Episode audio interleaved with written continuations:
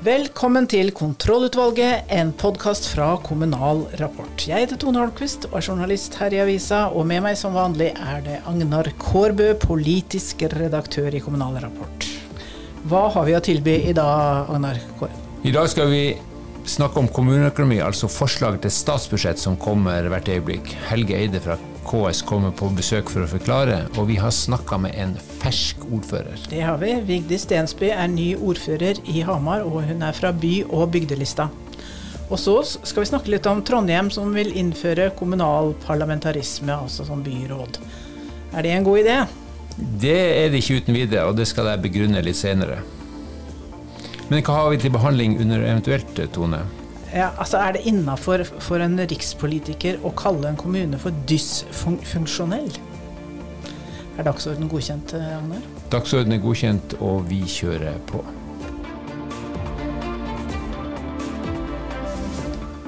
Fredag legges forslag til statsbudsjett for 2024 fram fra regjeringen. og Kommer det påplussinger, og hvor kommer kuttene? Det lurer vi jo på. Kommune-Norge venter i spenning, og da sier vi velkommen til fungerende administrerende direktør i KS, Helge Eide. Hvilke forventninger har kommuner, fylkeskommuner og KS til budsjettforslaget? Ja, hva vi forventer og hva vi håper, kan være to forskjellige ting. Men uh, for staten, forventningen er jo det enkleste å, å forvente det som jo regjeringen faktisk allerede har varslet. Uh, den veksten i de frie inntektene som skulle ligge mellom 5,6 og 5,9 milliarder, og som omtrent tilsvarer uh, forventede demografikostnader og pensjon og noen sånn særskilte satsinger. Og så kommer jo noen lekkasjer i valgkampen, bl.a. Uh, investeringstilskudd til heldøgns omsorgsplasser, 300 millioner eh, til det, som, som, er konkrete ting. Og så eh, får vi kanskje håpe da at det kommer noen påplussinger på noen ting som ennå ikke er varslet, i hvert fall veldig tydelig fra regjeringen. Sånn som f.eks. fylkesveier og flom- og skredsikring, som kanskje er de aller viktigste postene. Mm, det har jo lekka ganske kraftig fra dette budsjettet, så det spørs om det er noe igjen.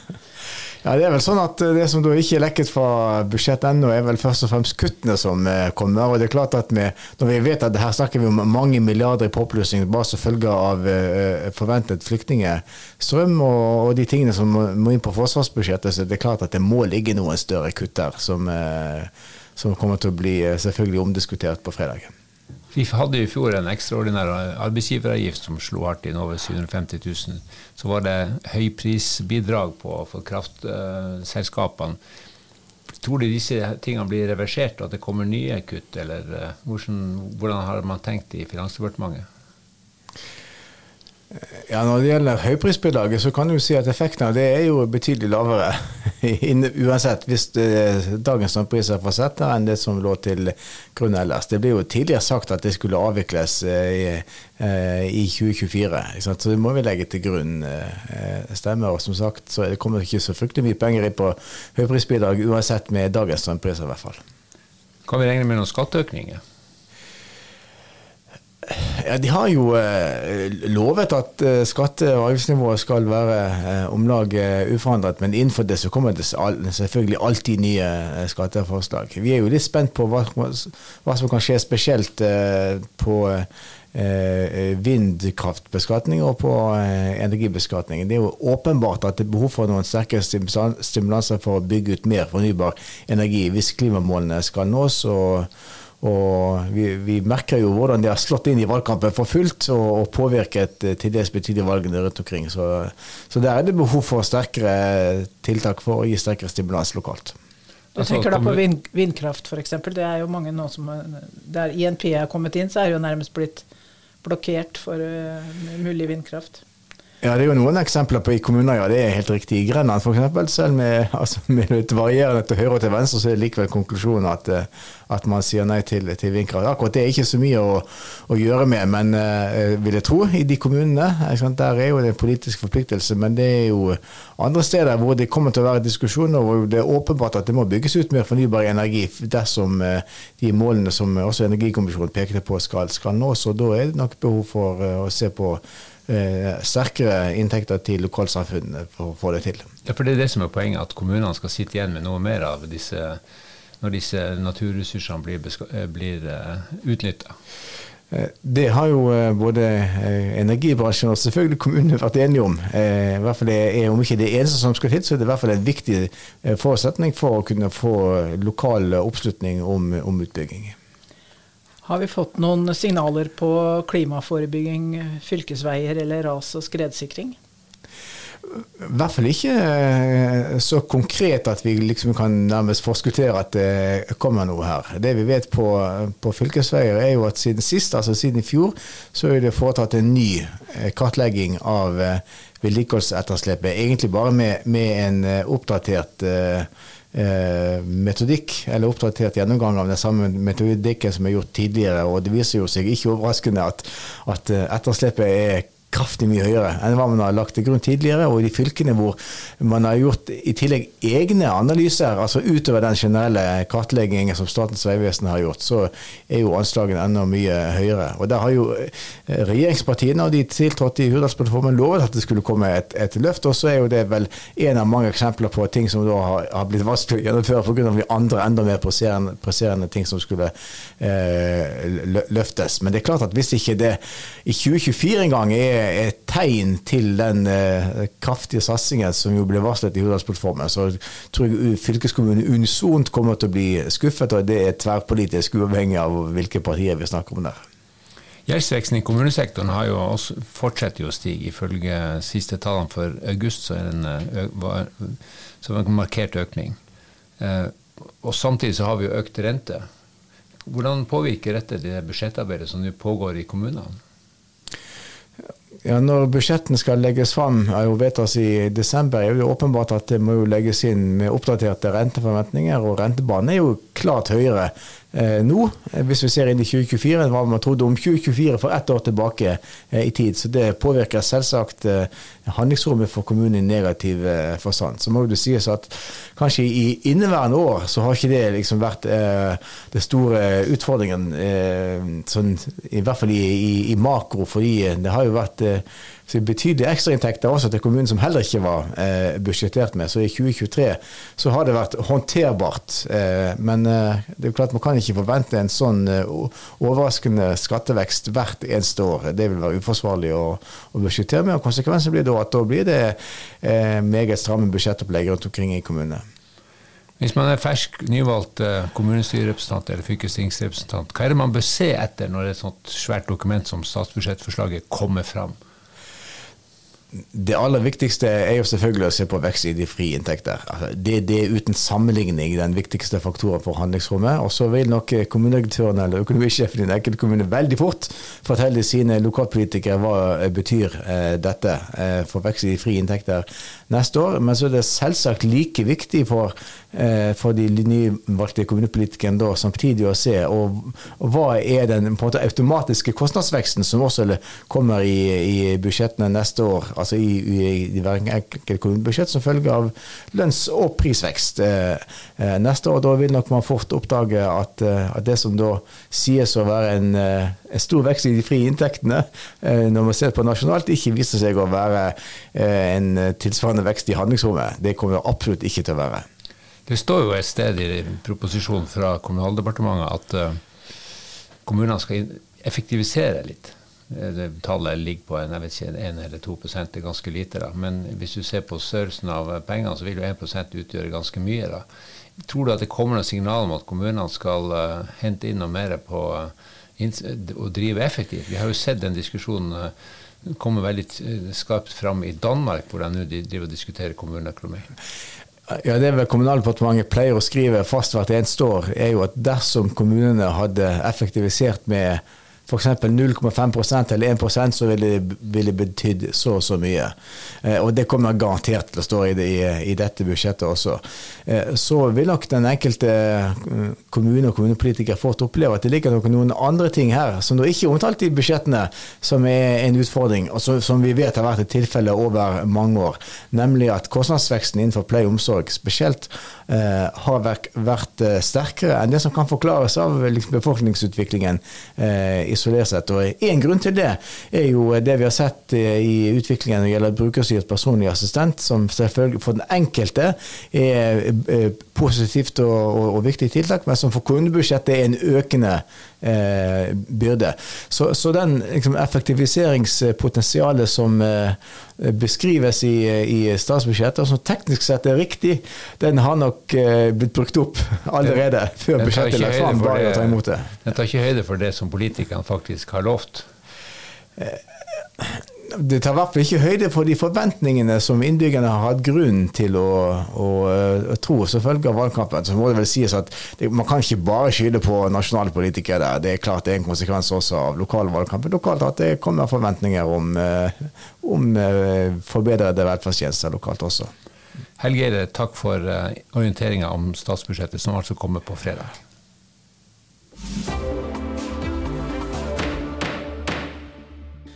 Det er eh, tid for konstitueringer, og nye ordførere tar eh, plass. Eh, på Hamar så får de sin første kvinnelige ordfører. Vigdis Stensby, velkommen. Tusen takk for det. By- og bygdelista er det du representerer. Kan du si litt hva det er for noe? By- og bygdelista er faktisk den lengst levende lista i Norge.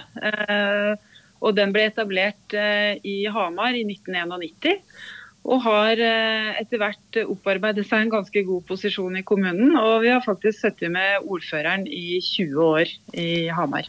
Einar Busterud heter han som har vært ordfører så lenge, og du tar over etter han. Eh, hvordan blir det?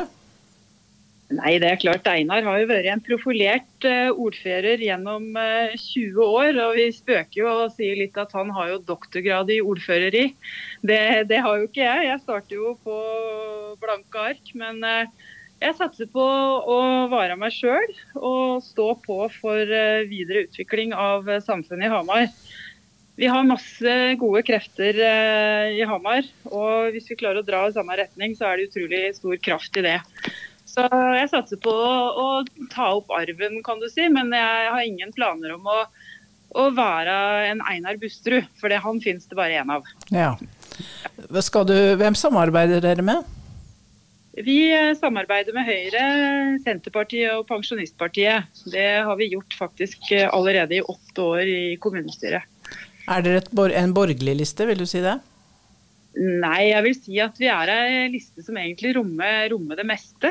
Eh, men vi er vel kanskje, hvis du skal plasseres, så kan vi jo plasseres i midten. I sentrum, kanskje. Er det noen spesielle saker som du har lyst til å ta tak i når du nå sitter med ordførerposisjonen og da har en slags mulighet til å, å, gjøre noe med det? Ja, det er klart det er mye å ta tak i, sjøl om Hamar jeg må understreke, Hamar er en kommune som går godt.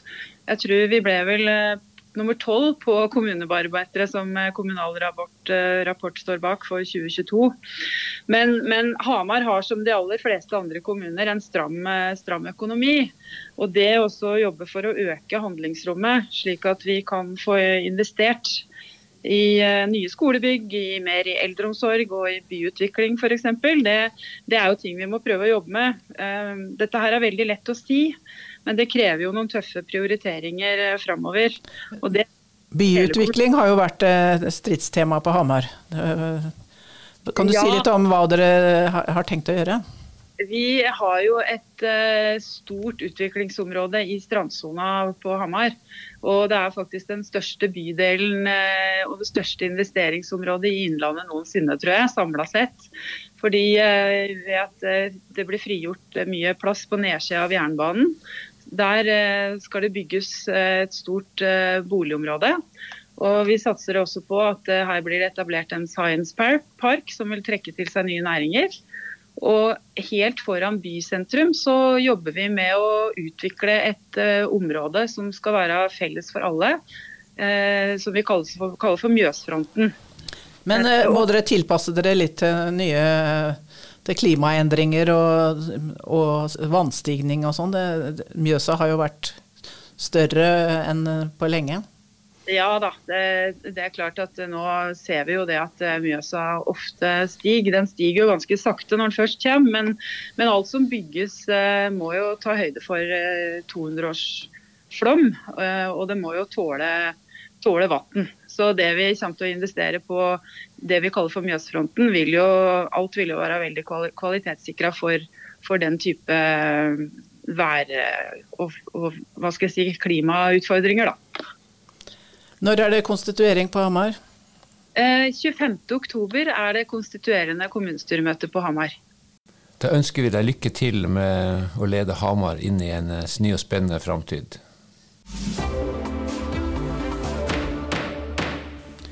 Fra neste høst blir Trondheim parlamentarisk. Det blir landets tredje kommune som bytter ut formannskapsmodellen med parlamentarisme, altså et flertallsstyre.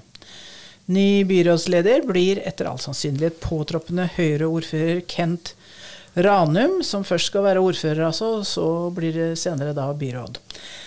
Før helgen så ble det klart at Høyre kommer til makta i et politisk samarbeid med Venstre, MDG, Senterpartiet, Pensjonistpartiet og Kristelig Folkeparti. Flertallet for disse partiene får støtte av Frp. Og Ranum han sier at han er sikker på at det å få gjort noe med styringsformen for politisk ledelse vil medføre at vi får gjennomført mer. Parlamentarisme er vel en god idé, det, Agnar? Eller hva mener du? Ja, Det er spennende med parlamentarisme, men, eh, og det er dristig. Og så vil jeg vel si at uh, formannskapsmodellen, som de fleste kommuner styres etter, er den som fungerer best. Og så vil jo da innvendinga fra Trondheim være at vi har politiske forskjeller. Nå har vi et politisk eh, plattform, og så må de da selvfølgelig ha litt støtte fra Frp for å få flertall for dette, denne konstellasjonen. Og så hvis vi klarer det, så får de mer styringskraft.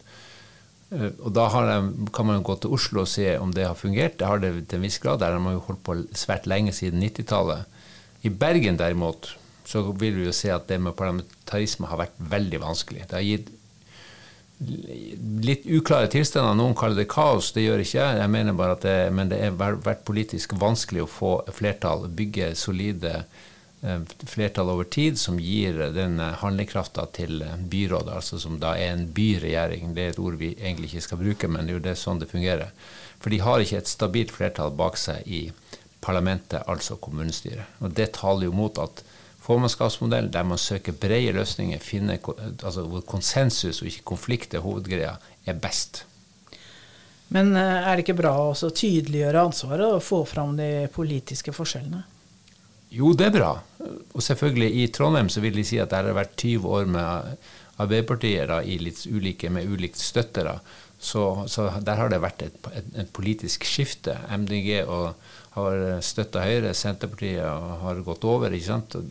Sånn at det er, Selvfølgelig er det politiske forskjeller, de synliggjøres da i denne modellen. Men så er spørsmålet får du en hensiktsmessig styring av kommunen.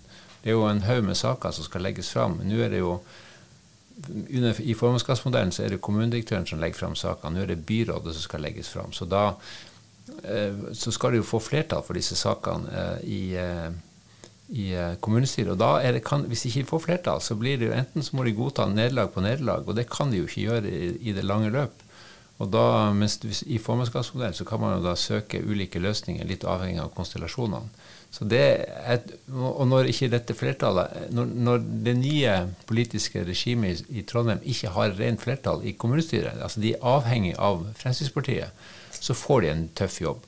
Og Så blir jo spørsmålet når de da om ett år skal avvikle formannskapsmodellen og gå over til eh, parlamentarisme. Hva skal, de, hva skal de gi Frp, som nå har fått en plass i formannskapet? Hva skal de gi dem for å sikre deres støtte? Eh, så det der blir jo vanskelig. Men eh, hva betyr parlamentarisme for opposisjonen, da? Det blir jo ofte gående litt i skyggenes dal. Det er jo det, et sånn innebygd problem, eller dilemma, i demokratiet at du må jo anerkjenne at det er et mindretall, og du bør helst gi dem noe, slik at de har noe å holde på med og føle seg som en del av den politiske styringsprosessen. Og, og, er, og i en kommune så er det kanskje enda litt viktigere enn det på Stortinget.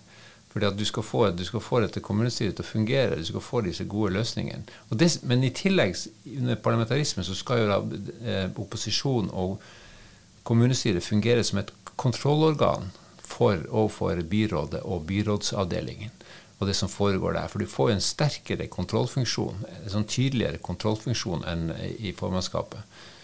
Det er jo det vi ser utspille seg på Stortinget nå, når kontrollutvalget der driver og ettergår disse habilitetssakene eller andre saker som er kritikkverdige innenfor det, av det regjeringa har gjort. Og Den rollen der må jo da utvikles. Og, og Da må du ha gode bystyrepolitikere som går inn i denne, fyller denne parlamentariske rollen.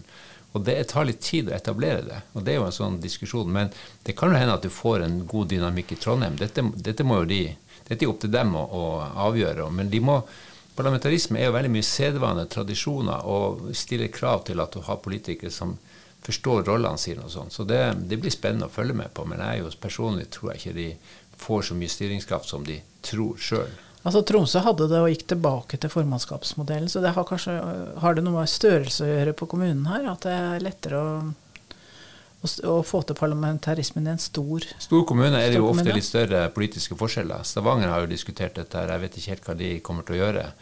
Eh, Kristiansand har jo også vært inne på tanken. og her kan man si, Men samtidig, så er det, selv om det er store kommuner, så er det jo igjen, de vil jo gjerne ha en brede flertall og gode løsninger og få mye samstemmighet rundt dette. Så og så kan du si at i, også i, på Stortinget så snakker man om kompromiss. Det er jo mange av disse rikspolitikerne som snakker om de vakre kompromissene. Og du vil jo også i praksis se at Høyre og Arbeiderpartiet finner fram, sammen i veldig mange saker, også i Stortinget. Så, så det er klart at det er jo bra med Jeg synes det, det som er bra, er det at man får litt sånn demokratisk innovasjon, prøver litt ulike ting for å hele tida sørge for at lokaldemokratiet er vitalt. Blir det lukka prosesser? Mer lukka prosesser? Det er både òg kommer litt an på hvordan de organiserer det. I Bergen har vi åpne byrådsmøter, men selve prosessen i byrådsavdelingene blir jo noe mer lukka, sånn som på samme måte som prosessene i et departement er ganske lukka. Du vet ikke hva som står i R-notatene som kommer til regjeringa, men du får noe mer innsyn i sakene som er i, til byrådsbehandling. Takk for det, Agnar. Da får vi bare ønske dem lykke til i Trondheim.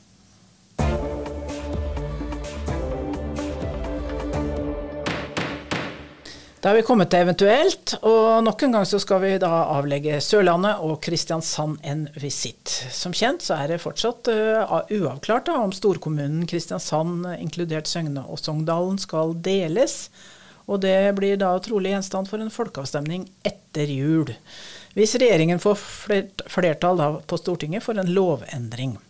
Og Lovendringen skal gi regjeringa rett til å gjennomføre folkeavstemning blant innbyggere i saker der regjeringen ønsker å utrede grenseendringer. Ja, I praksis er det jo å overkjøre lokaldemokratiet i loka lokaldemokratiets navn, med andre ord.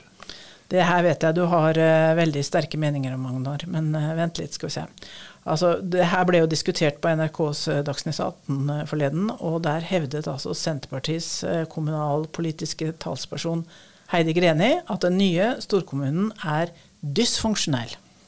Hør her.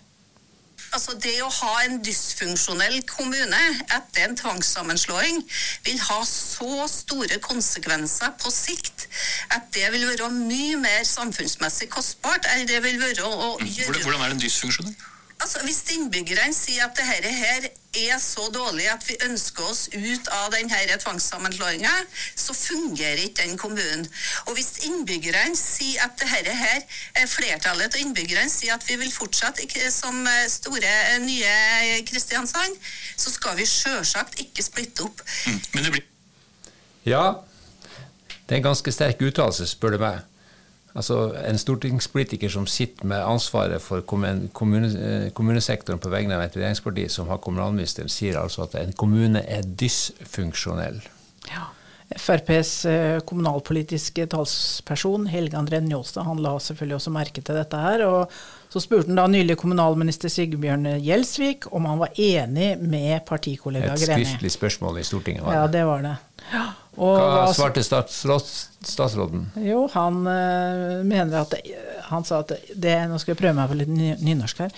Det ikke er grunnlag for å si at dagens Kristiansand kommune er en dysfunksjonell kommune. Det Nei, det skulle tatt seg ut om han hadde ment det. Og så vet vi jo fra kommunebarometeret her i Kommunal Rapport at de ligger ganske bra an der. Og der måler vi jo hvordan man drifter tjenester og sånn. Så.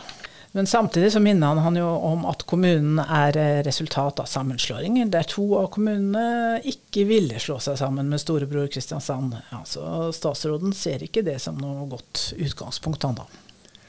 Nei, frivillighetslinja kan jo diskuteres, men jeg slutter, slutter altså ikke å undres over hvorfor eh, det er så maktpåliggende for regjeringa å bruke så mye ressurser på akkurat denne saken. Både bystyret i Kristiansand og deres egne folk har jo sagt at dette er ikke noe, det er ikke noen god idé å, å rive ned byggverk under konstruksjon. Eh, regjeringen har jo da en del støtte i Søgne. Det Ok, det, det får så være. Jeg mener at kreftene bør brukes bedre enn på denne type omkamp. Da, ja, da konkluderer vi med det, Agnar, og erklærer dagens møte i kontrollutvalget for over. Kontrollutvalget består altså av Tone Håndquist, som er ordstyrer og møteleder, og meg, vanlig medlem, Agnar Kårbø. Ansvarlig redaktør for Kommunal Rapport er Britt Sofie Hesvik. Vi høres igjen.